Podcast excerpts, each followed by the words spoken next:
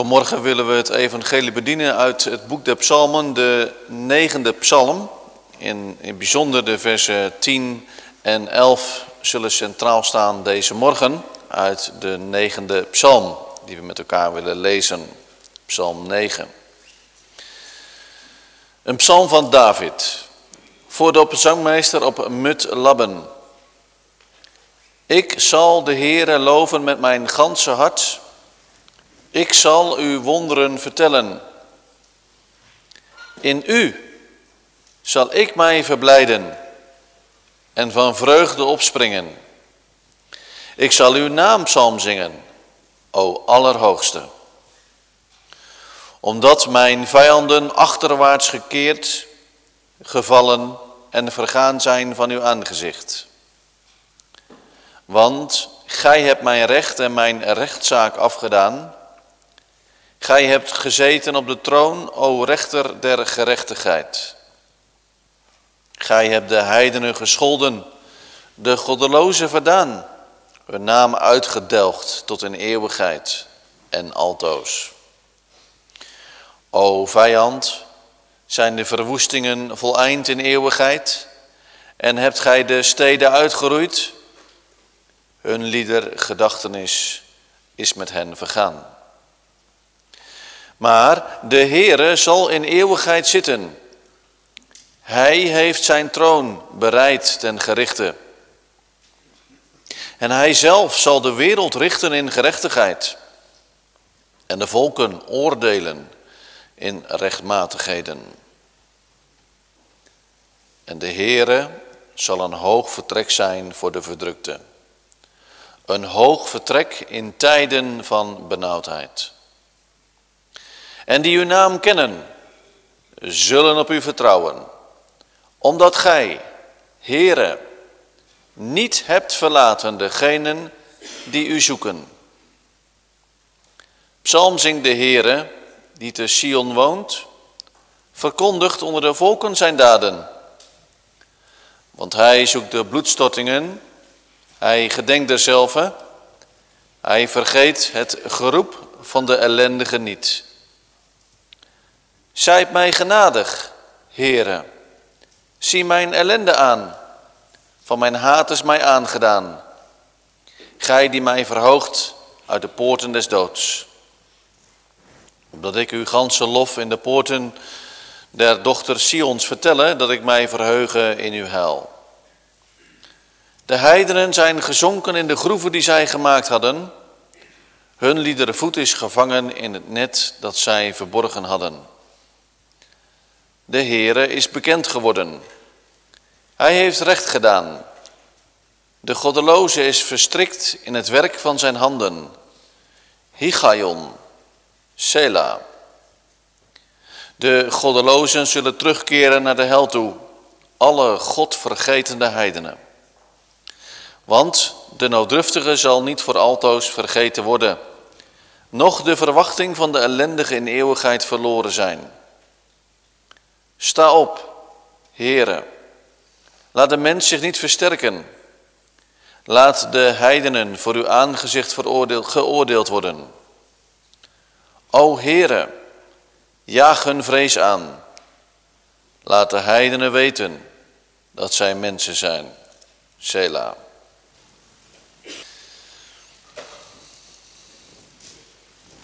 Na het amen van de preek zingen we verder zonder enige aankondiging vers 10 en 11 uit Psalm 9. Hij die uw naam in waarheid kent, zal Heer op u in zijn ellend. In de tiende vers zingt, zingt de Heer die eeuwig leeft, die Sion tot zijn woning heeft. Psalm 9, vers 10 en 11 na het amen van de preek.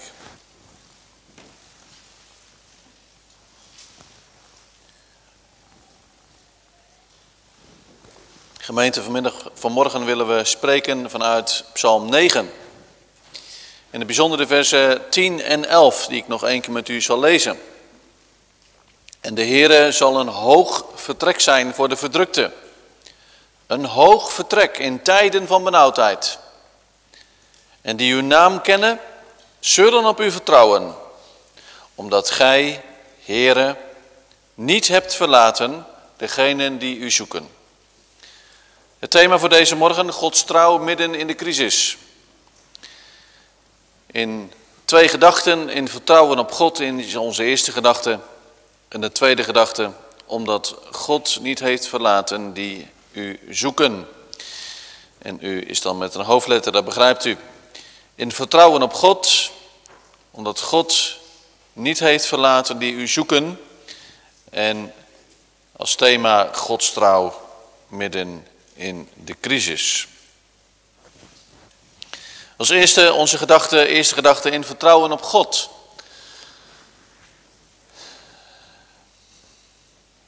Ja, wat moet je zeggen aan het begin van een nieuw jaar? De gelukwensen zijn gegeven. En we wensen elkaar toe dat het een jaar zal zijn waarin we als gelovigen mogen groeien in het geloof. Toenemen in de kennis en de genade van de Heer Jezus Christus. En de ongelovigen tot geloof komen. Dat is het belangrijkste. En daarnaast mogen we ook bidden om maatschappelijke zorgen, bouw van de gemeente, bouw van de gebouwen en dergelijke, wat we ook hebben gedaan. Maar bovenal, dat door alles heen, dat zal klinken, dat we in alles ons vertrouwen stellen, niet op ons, op onze werken, op onze arbeid, op onze financiën, maar dat we in alles ons vertrouwen stellen op de levende God.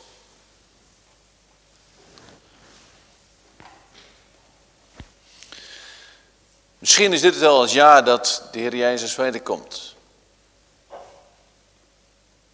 Dat zou een geweldig jaar zijn. Dat hebben we gisteravond gezegd. Want de geest en de bruid bidden, kom. Zeggen, kom.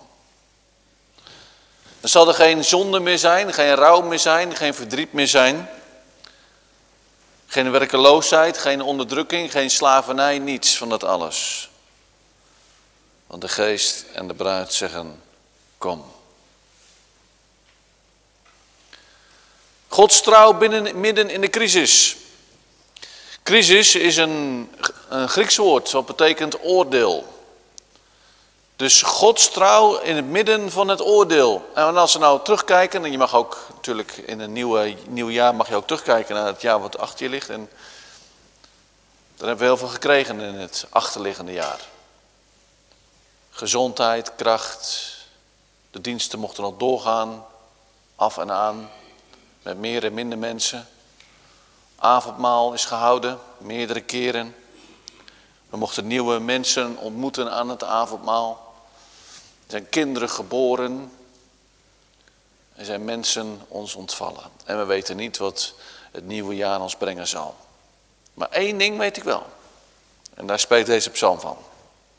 Dat ondanks alles wat er speelt in de wereld, de crisis waar we in ons bevinden, dan staat één ding recht overeind. Dat is de trouw van God.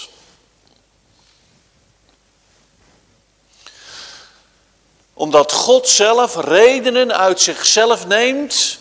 Omdat zijn koninkrijk uitgebreid wordt. Omdat zijn naam verheerlijkt wordt over het rond der aarde. Ook hier in Nieuwekerk. En dan kan het nieuws, dat kunnen we dan een moment achter ons laten. En als we dan nou weer thuis komen, dan kunnen we het allemaal weer volgen. En misschien hebben we heel veel zorgen. Hoe moet dat nu het komende jaar? Financieel, met het werk, met de zaak en dergelijke. En dat begrijp ik.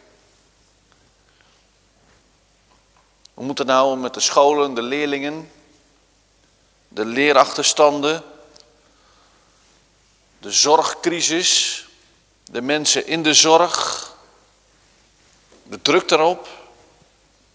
Mensen die ziek zijn in de gemeente, langdurig ziek, ja dat weten we. En dat is allemaal bekend, ook bij de heren. Maar boven alles uit klinkt de heerlijkheid van de naam van God. Misschien heb je wel een andere vraag. Hoe kan ik ooit verschijnen voor God?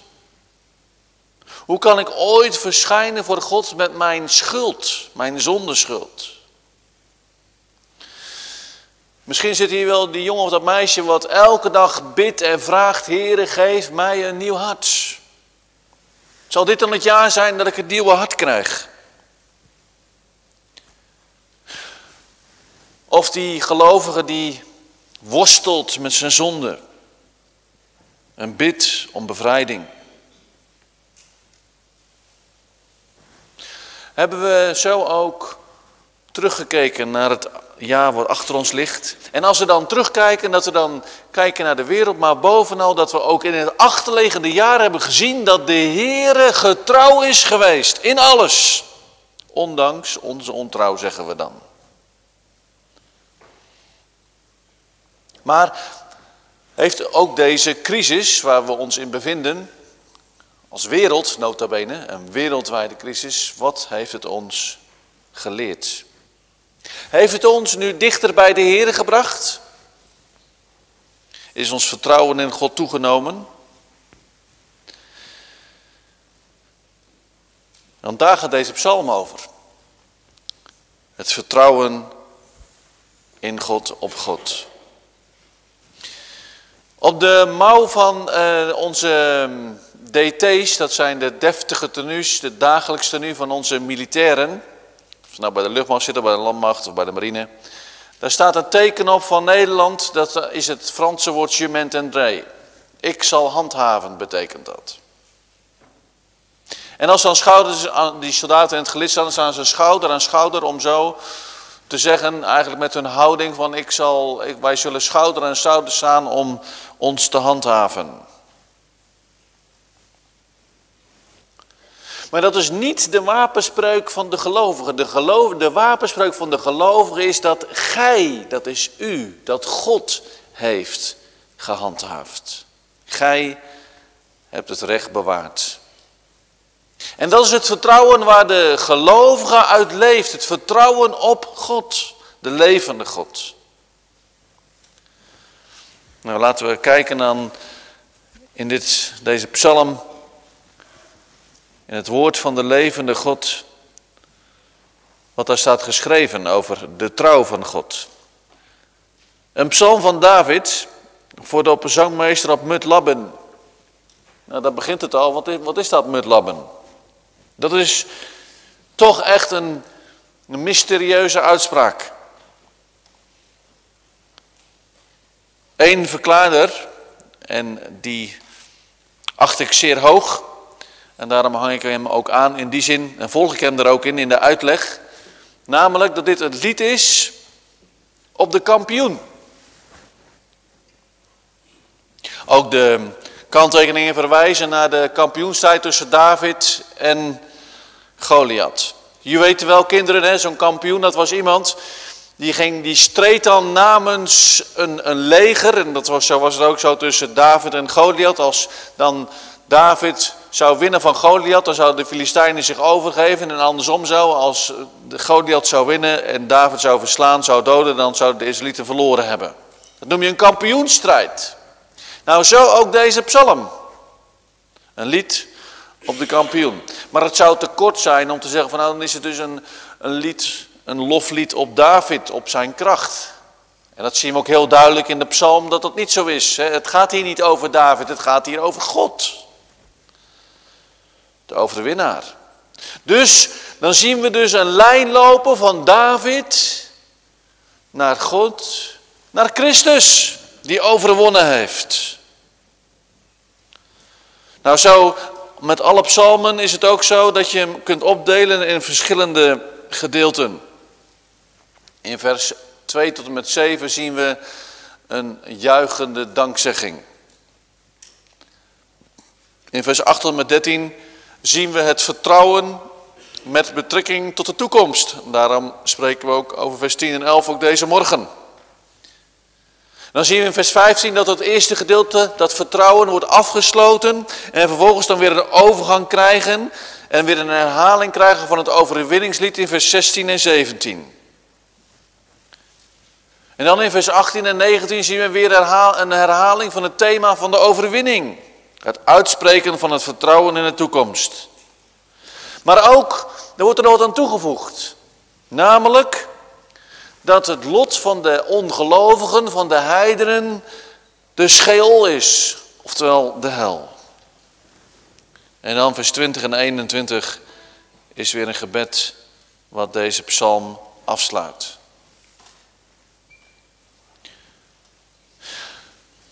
Dus eigenlijk zegt David met deze psalm, om vooruit te kunnen kijken naar wat voor ons ligt, is het goed om te overdenken wat God in het verleden heeft gedaan.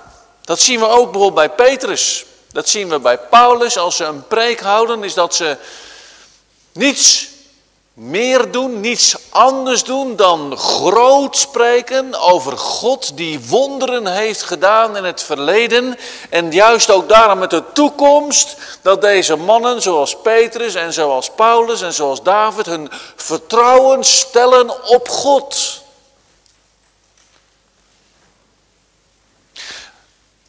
Wat heeft de Heer al veel gedaan in het achterliggende jaar? Alleen al in deze gemeente. Wat heeft de Heer gedaan in de wereld? Het evangelie wereldwijd verkondigd. De zending, evangelisatie, Israël. Wat heeft de Heer veel gedaan door het zenden van zijn zoon? hebben we herdacht met kerstfeest. Wat zien we daarin ook? Het wonderwerk van God dat Hij doorgaat met, met zijn barmhartigheid, zijn goedertierenheid. Het is dus niet zo zoals de Epicureeën dat zeggen. Dat waren mensen, dat waren Griekse wijsgeren die zeiden van nou, God, God heeft de wereld wel geschapen. Maar toen heeft God zich teruggetrokken en de wereld die is aan zijn lot overgelaten. En dan alles wat er nu gebeurt, dat is dan volgens de mens. Volgens mij is dat een leer die nog steeds heel erg levendig is bij heel veel mensen. Wij beleiden ook vanmorgen dat het Gods voorzienigheid is die alles bestuurt. Dus de Almachtige God en Vader zit op de troon in de hemel, net zoals 3000 jaar geleden. En omdat gisteren God dezelfde was en vandaag God dezelfde is, onveranderlijk, dan geeft ons dat de vrijmoedigheid om te juichen over de verlossing uit de crisis. Is het niet in dit leven, dan is het wel na dit leven. Crisis. Ik sprak iemand en die zei, ik word daar zo moe van, zegt hij. Elke dag, je kan, ik had me voorgenomen, ik ga niet meer naar het nieuws kijken, maar ja, dan zit je toch weer te kijken en dan gaat het weer over die crisis. En dat al twee jaar lang.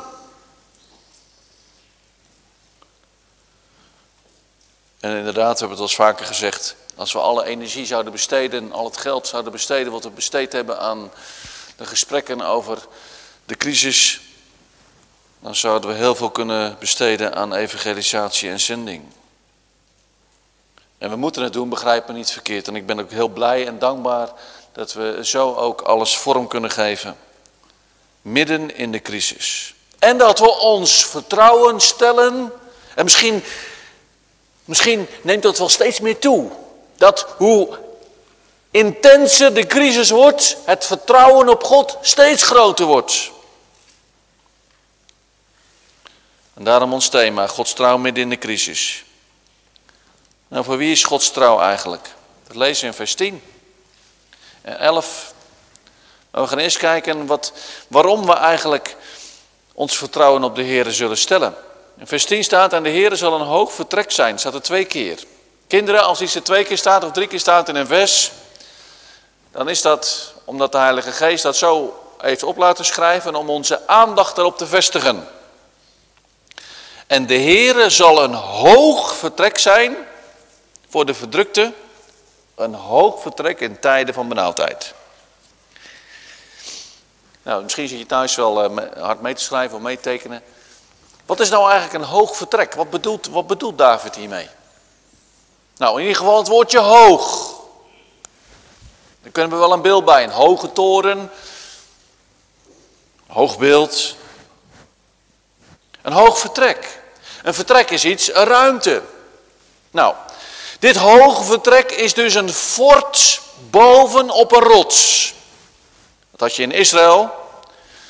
Er zijn opgravingen gedaan, archeologische opgravingen heet dat, waarbij dus een hoog vertrek, een fort werd gevonden bovenop een berg. En dat was, dat was een bedoeling. Want als je een fort hebt op een hoge berg, Jeruzalem is ook op een berg gebouwd, op bergen.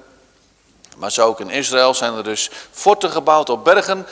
En die hadden een doel, en dat heb je ook nu nog in Oostenrijk zo, dat je die, die, die kastelen die daar werden gebouwd, die, die uh, hadden als functie dat als dan reizigers langskwamen, dan konden ze daar een toevlucht nemen.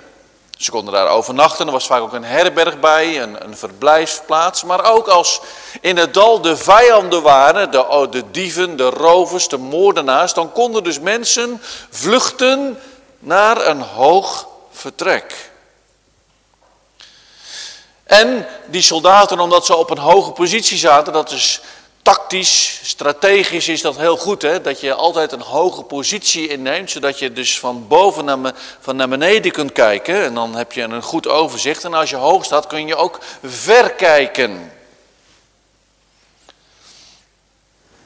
Dus de dichter benadrukt dat de Heere is als een schouwplaats, waar ook de andere psalmen van spreken, psalm 121 bijvoorbeeld. Maar dat de Heer dus zelf dat hoge vertrek is, waar men schuilen kan in tijden van vervolging en benauwdheid. Dan staat er nog een woord. Voor de verdrukte. De verbrijzelde, de verpulverde, de in stukken gebrokene. Dus als je thuis bent, je bent aan het tekenen, dan, of na de dienst, hè, dan teken je zo'n hoog fort. En misschien kun je wel even aan je vader of je moeder vragen of hij zo'n fort zoekt wat, wat staat in, eh, in Israël. Daar hebben ze prachtige platen van. En dan kon je dus, als je verdrukt werd, daar naartoe. Maar wat is nou zo'n verdrukte? Dat, dat woordje heeft in zich Iets wat verbrijzeld is, verpulverd is. Misschien heb je wel eens een uh, paracetamol of een aspirine verpulverd, omdat je hem niet in één keer door wilde slikken. Dan heeft je vader of je moeder hem met een, met een stamper misschien wel helemaal verpulverd en toen in een glas water gedaan. Of het is in dat water gedaan en het is helemaal opgelost en dan moet je flink roeren. En dan even met die lepel flink platstampen, verpulverd, verbrijzeld, vergruist. Zodat er eigenlijk alleen maar kleine kruimeltjes overblijven.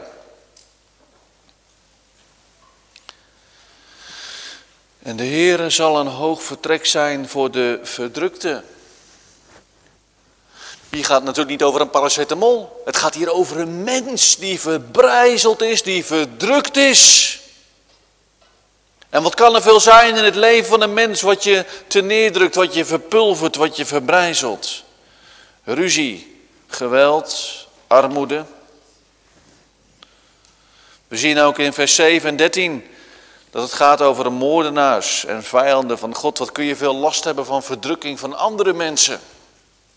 Kan zijn op school dat je wordt gepest, kan zijn dat je wordt buitengesloten. Het kan zijn op je werk dat je moeite en druk ervaart. Dat je je niet veilig voelt. Dat je wordt uitgelachen omdat je christelijk bent. Dat je wordt bespot. Digitaal. Tegenwoordig ook zo'n element wat, wat diepe sporen trekt in het levens van jonge mensen.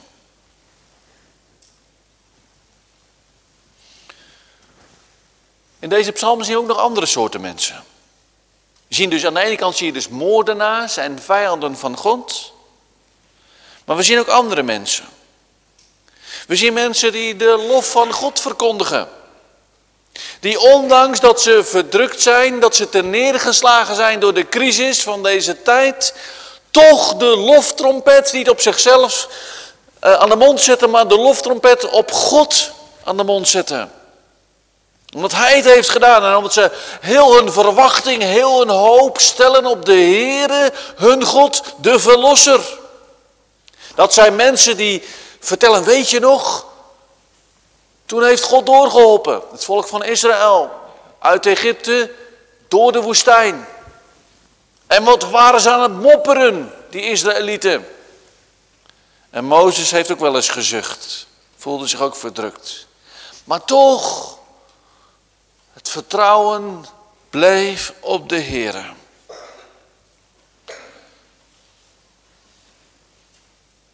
Verheug je je zo ook in God? En zie je zo ook uit naar de komende Messias? Dus hier in deze psalm zien we twee soorten mensen.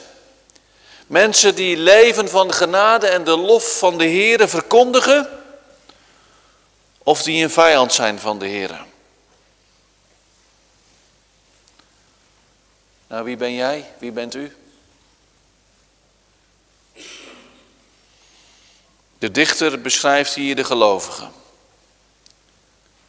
de verdrukte, te neergeslagen door de crisis, misschien ook wel neergeslagen door de ontdekking van het zondige hart. En dat zou je toch ook te neerslaan? Hun zonden, hun gebrek aan vertrouwen op God. Psalm 51, Psalm 32, Psalm 6. Met een verbroken en verslagen hart. Doordrongen van een diep besef wie ze zijn voor een groot en heilig en almachtig God. Dat zijn mensen die benauwdheid kennen. En benauwdheid wijst ook op droogte. Tijden van geestelijke droogte, waarin alles wel dor en mat lijkt. En waar God zo ver weg lijkt te zijn. Dat is dat verpulverd en verslagen. En de vraag, dat gebed wat je in je op kan komen, waar is God die ik verwacht? Nou, de gelovige weet het adres. De gelovige die heeft geleerd om de toevlucht, letterlijk dat woord hè, toevluchten, wat ik ook in het gebed zei. Als jij eens naartoe vlucht, dan ren je ergens naartoe omdat je daar je, je hoop en je vertrouwen op stelt. De gelovige weet het adres. Die nemen de toevlucht naar het hoogvertrek. Naar God zelf. We lezen in Psalm 118. Het is beter tot de Heer toevlucht te nemen dan op de mens te vertrouwen. Psalm 118, vers 8. En dat is nou precies wat de Heer wil. Dat we in de crisis, in de benauwdheid, onze hoop en onze verwachting niet op mensen of instellingen stellen, of op prinsen, maar dat de mens, de gelovige, de toevlucht neemt tot God. Kunt je je voorstellen, kinderen? Zie je jezelf al spelen in zo'n dal, daar in Israël of in, in Oostenrijk of in Zwitserland of in Italië? Daar heb je ook allemaal van die dalen met, met kastelen bovenop de berg. Stel je voor, je zou leven in, in zo'n tijd en je weet dat de vijand eraan komt, je hoort hem, je ziet de vijand en wat zou je doen? Zou je dan verstoppen in een dal? En dan moest je maar afwachten wat er zou gebeuren.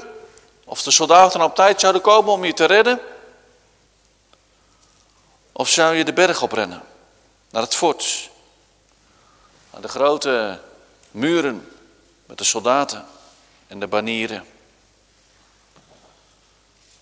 Gelovigen, als in het leven de wet ons aanklaagt, Ongelovigen, als, je, als, de, als de wet je zo aanspreekt dat je je aangesproken voelt. Gelovigen, als de duivel je verleidt, als de oude mens zo erboven komt. Alsof het lijkt, alsof er niets in de wereld lijkt eerbied te hebben voor God en voor zijn instellingen. Alsof het lijkt alsof God niet bestaat, op afstand is.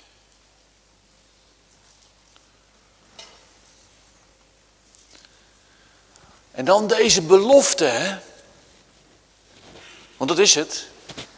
Want er staat namelijk, en de Heere zal, staat niet misschien, er staat hier met zo'n grote zekerheid van het geloof geschreven, zoals ook in de doopformulier beschreven staat. En ook niet van dat je, dat je iets, iets, iets, iets zelf eraan toe moet voegen. Nee, er staat en de Heere zal een hoog vertrek zijn. Dus niet worden, want dan moet het kasteel nog gebouwd worden. Nee, en de Heere zal een hoog vertrek zijn voor de verdrukte. Een hoog vertrek in tijden van benauwdheid. Kijk, dat is het geloof. Die ziet uit, die ziet naar boven. De God van het verbond. De verberging, dat betekent de schuilplaats. De schaduw aan uw rechterhand, weet u nog, dat is die schaduw, die kun je niet losmaken van jezelf. Dat is onmogelijk. En dat fort, dat was al gebouwd voordat de vijanden kwamen. Helemaal in lijn wat Jezaja zegt in Jezaja 65, vers 24. Eer zij roepen, zo zal ik antwoorden. En ik is dan God. De Heer weet het al wat het nodig is, wat er nodig is in het leven van de gelovigen. Zie je nou dat je als heiden, zo worden ze genoemd, hè, de ongelovigen, als heiden, dan, dan heb je niets. Dan ben je overgeleverd en ben je een slaaf van de duivel. En als gelovige heb je die zekerheid dat God, de Heere, is een hoog vertrek. Christus heeft overwonnen. Hij heeft het uitgeroepen op Golgotha. Het is volbracht. En ook al lijkt het nu wel alsof de duivel de basis in de wereld. Misschien ken je dat boek wel. Van uh, Lewis. Nee, van Tolkien, sorry. Tolkien die heeft een boek geschreven voor kinderen. Dat heet De Hobbit. Dat heeft hij gedaan samen met een ander boek. En dat heeft hij ook gedaan om het christelijk geloof te verdedigen. En in het boek De Hobbit, daar, ehm, daar is een draak, sprake van een draak, en die op een gegeven moment dan sterft die draak. Wat gebeurt er dan met die draak? Een draak heeft een grote staart. En die zwiept dan alles heen en weer en zwiept alles kapot in zijn stervensdans. Nou, zo is het nu ook met de duivel, die, dat is de draak die stervende is. Hij weet dat hij verloren heeft. Maar zo'n draak die zwiept vernietigend door alles heen. Waar moet je dan naartoe? Dan moet je je toevlucht nemen naar het hoogvertrek. Daar ben je veilig. Bij de Heer. Kom, sta op. Volg die borden naar dat fort. Want de geest en de bruid zeggen kom. Kom als je moe bent, als je neergeslagen bent. Teleurgesteld in jezelf, in de wereld. In de kerk, in de dominee. Verwacht het niet van de mens. Maar zie op naar de Here, naar het hoogvertrek. Het hangt helemaal niet van u af, want hij heeft alles volbracht. Hij heeft zijn zoon gegeven, dat zeiden we gisteravond. Hè, dat, de reden waarom die nodiging zo breed uit mag gaan is omdat Christus alles volbracht heeft. U kunt uw eigen zonde niet vergeven. Christus heeft de straf gedragen. En met liefde wordt u ook in het nieuwe jaar uitgenodigd om te komen tot de fontein des levens en te eten van het brood des levens. En wat is de grond? Wat is de grond dat u mag komen? Is er iets in uzelf? Omdat u zichzelf zo, zo opgepoetst heeft? gewassen heeft? Nee. Alleen maar op grond van het volbrachte werk van het lam van God. Wat is verbrijzeld, wat is geslagen, gegeeseld en gehangen is aan een kruis. En zo de straf op de zonde heeft gedragen. God storen over de zonde gedragen heeft. En omdat het lam Gods het heeft volbracht, is er vandaag en al de dagen die de Heer ons geeft op deze aarde, een geopende weg tot het vaderhart van God. Christus is vermorzeld, vernietigd, zegt Paulus in Filippenzen. Onder de toren van God. Over de zonde. En heeft geleden in de plaats van al die gelovigen. En daarom mogen die gelovigen in geloof, in vrijmoedigheid toegaan tot de troon der genade. Hun toevlucht nemen tot dat hoge vertrek.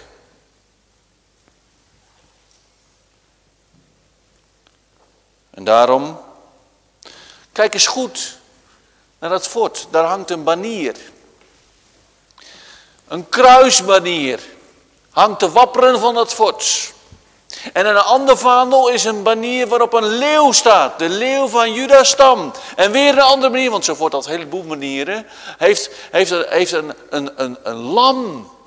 Een lam wat staat. Hoe kan het nou, een lam wat staat en waar, waar het bloed uit de keel komt? Openbaring 5. Een lam staande als geslacht. En van dat fort roepen de, de, de, de wachters uit tot de muren. Habakkuk heeft dat geroepen. Jezaja heeft het geroepen. Kom. Want zonder het lam van God heeft u geen toekomst en geen perspectief. We gaan naar onze tweede gedachte.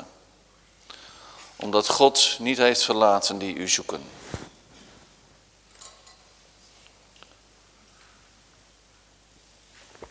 En die uw naam kennen, lezen we in vers 11, zullen op u vertrouwen.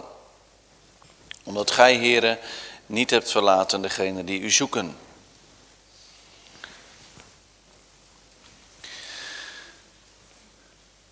Wie gaan nou naar dat fort? Dat zijn mensen die de naam kennen van de Here. Die hebben leren te vertrouwen, die hebben het offer van Jezus Christus, die hebben het door het geloof, dat offer van genade wat hen wordt aangeboden, aangenomen. Johannes 1, vers 12. En het geloof, zegt Paulus, is een gave gods. En het geloof wordt gewerkt door de prediking, door de lezing van het woord. Ziet u, en ook in het nieuwe jaar gaat die prediking weer uit. Dat is Gods trouw. Kent u zo de naam van de Heere?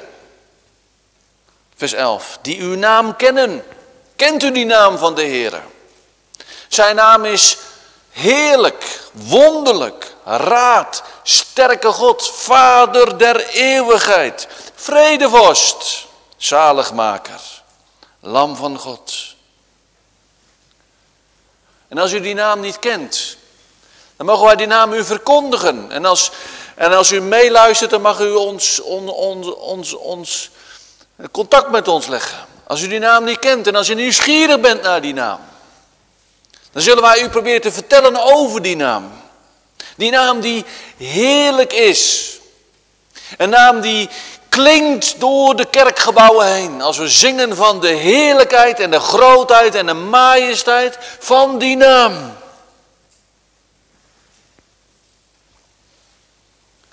Waarom? Omdat wij, omdat wij, omdat wij leven van die liefde tot die naam. Omdat de liefde tot die naam, de liefde tot God in ons hart is uitgestort. Die die wederliefde heeft gebaard. En daarom spreken wij en getuigen wij van die naam. Er is geen andere naam onder de hemel waardoor mensen zalig worden. Als u die naam kent, dan is dat genade. Als u mag weten, Jezus Christus is mijn zaligmaker, mijn verlosser. Hij heeft mij vrijgekocht van de slavernij van de duivel. Dan is er ook vertrouwen. Namelijk omdat de Heilige Geest steeds weer die schatten die Christus heeft verworven toepast in het leven van de gelovigen. Toe-eigend. Zijn naam kennen betekent een intieme omgang met hem hebben. God spreekt tot de gelovigen, keer op keer. Door zijn woord en door zijn geest. En als je niet gelooft, als je een heiden bent, dan, dan ken je die naam niet. Dan is er geen verborgen omgang. Wij zingen met de psalmen Gods verborgen omgang vinden. Zielen waar men, ja, waar je je rust in God in vindt. En als je dat mist, die stille omgang met God, dan mist u alles. En de gelovigen die kennen zijn heilige naam. En pleiten ook op zijn naam. Johannes 14. En ze hebben blijdschap in de naam. En soms is het maar een klein beetje blijdschap. Omdat die zonde zo, zo, soms zo overweldigend kunnen zijn. Er zijn tijden geweest in het leven van David, dan, dan was die blijdschap was zeer naar de achtergrond verdwenen.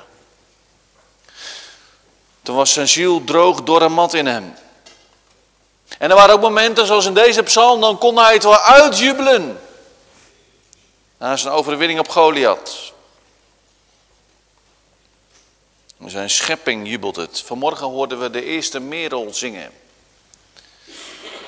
Het zal komen door deze temperatuur.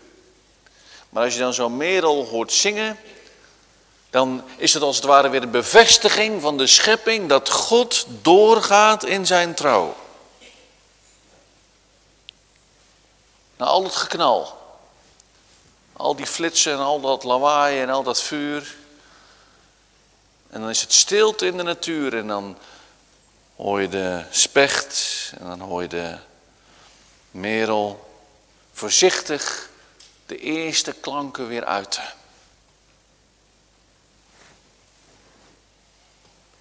Kent u zijn naam? Is er zo die levende verbinding met God gewerkt door de Heilige Geest? Is daar een verbinding met de zaligmaker? Beleidt u dat? Dat u zonder Christus niets kunt in het nieuw begonnen jaar?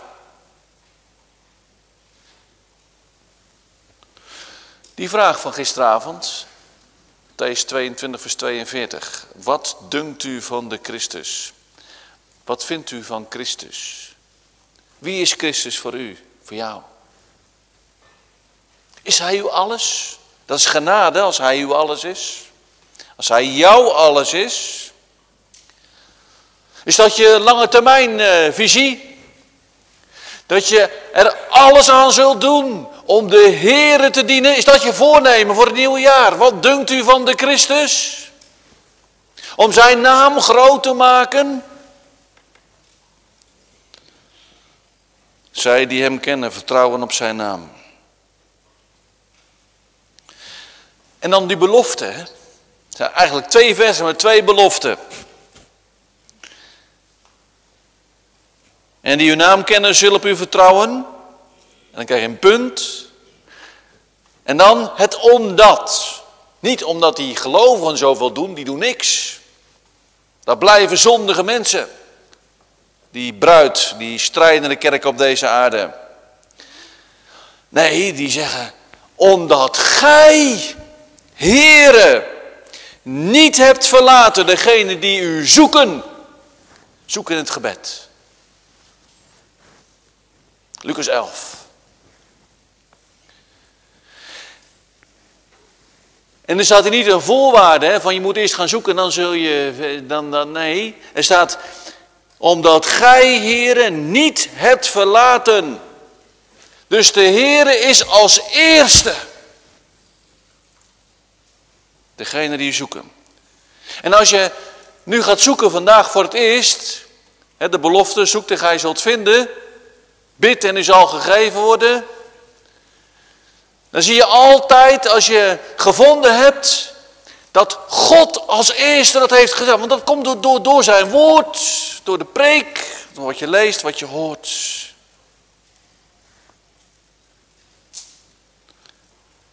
Kijk maar in uw eigen leven.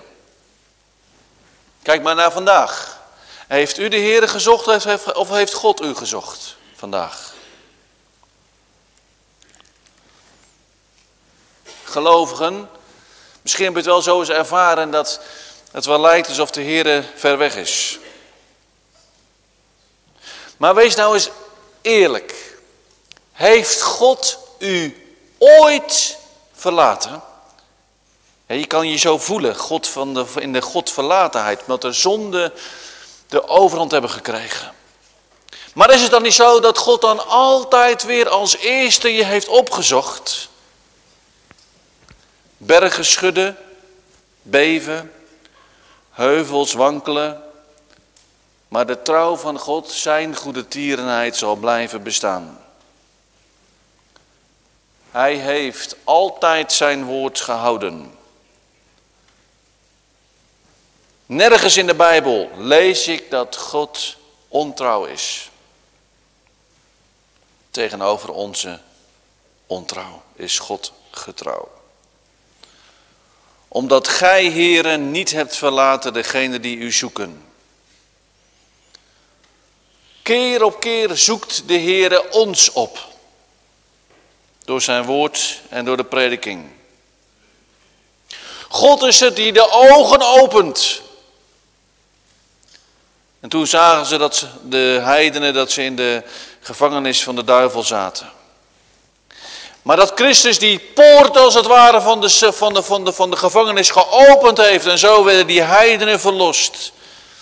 En geloofden. Zoals die stokbewaarder in Handelingen 16. Die liep buiten de gevangenis, maar eigenlijk was hij degene die gevangen zat. Totdat God Paulus zond en was Paulus het middel niet alleen voor Lydia, maar ook voor de gevangenisbewaarder. Om het evangelie te verkondigen. En omdat het evangelie werd verkondigd en dan werd het verteld, geloof in Jezus Christus. En u zult behouden worden. Toen, de, toen heeft hij de liefde ervaren tot God. En hij zag die liefde tot God weerspiegeld in de ogen van Paulus. Omdat gij, heren, niet hebt verlaten degene die u zoeken. Kinderen zul je zoeken. Kun je, hè? Je kunt allemaal zoeken. Jullie kunnen verstoppertje spelen. En jullie ogen zijn nog vaak heel scherp. Dus dan zie je hele goede dingen. Zo kun je ook zoeken in de Bijbel. En je mag zelf nu vandaag al gaan zoeken. Gewoon in een kinderbijbel, in een hoekje gaan zitten lezen. En dan zoek, wat moet je dan zoeken? Dan zoek je de Heer Jezus. En dan zoek je God in het woord. En dan zegt God in het woord, dat is de belofte van het evangelie. Wie zoekt, die zal vinden. Weet je wat Augustine zei? Wie God zoekt, is al door God gevonden. En dat zie je dan achteraf, hè? Achteraf zie je dat. Dan ben je zoekend gemaakt, zeggen we dan. Door de preek, heb je het gehoord. Misschien luister je nu al thuis mee en dan hoor je de preek, zoekt en ga je wat vinden. En dan ga je zoeken. En dan komt dat omdat God dat zegt op dit moment tegen jou. En als je gaat zoeken, dan gehoorzaam je, luister je. Dan gehoorzaam je aan het bevel om te komen naar het hoge vertrek, naar die burcht. Een vaste burcht is onze God. Kijk dan naar die kruisbanier. Neem de toevlucht. En als u zoekt, dan zult u niet verlaten worden.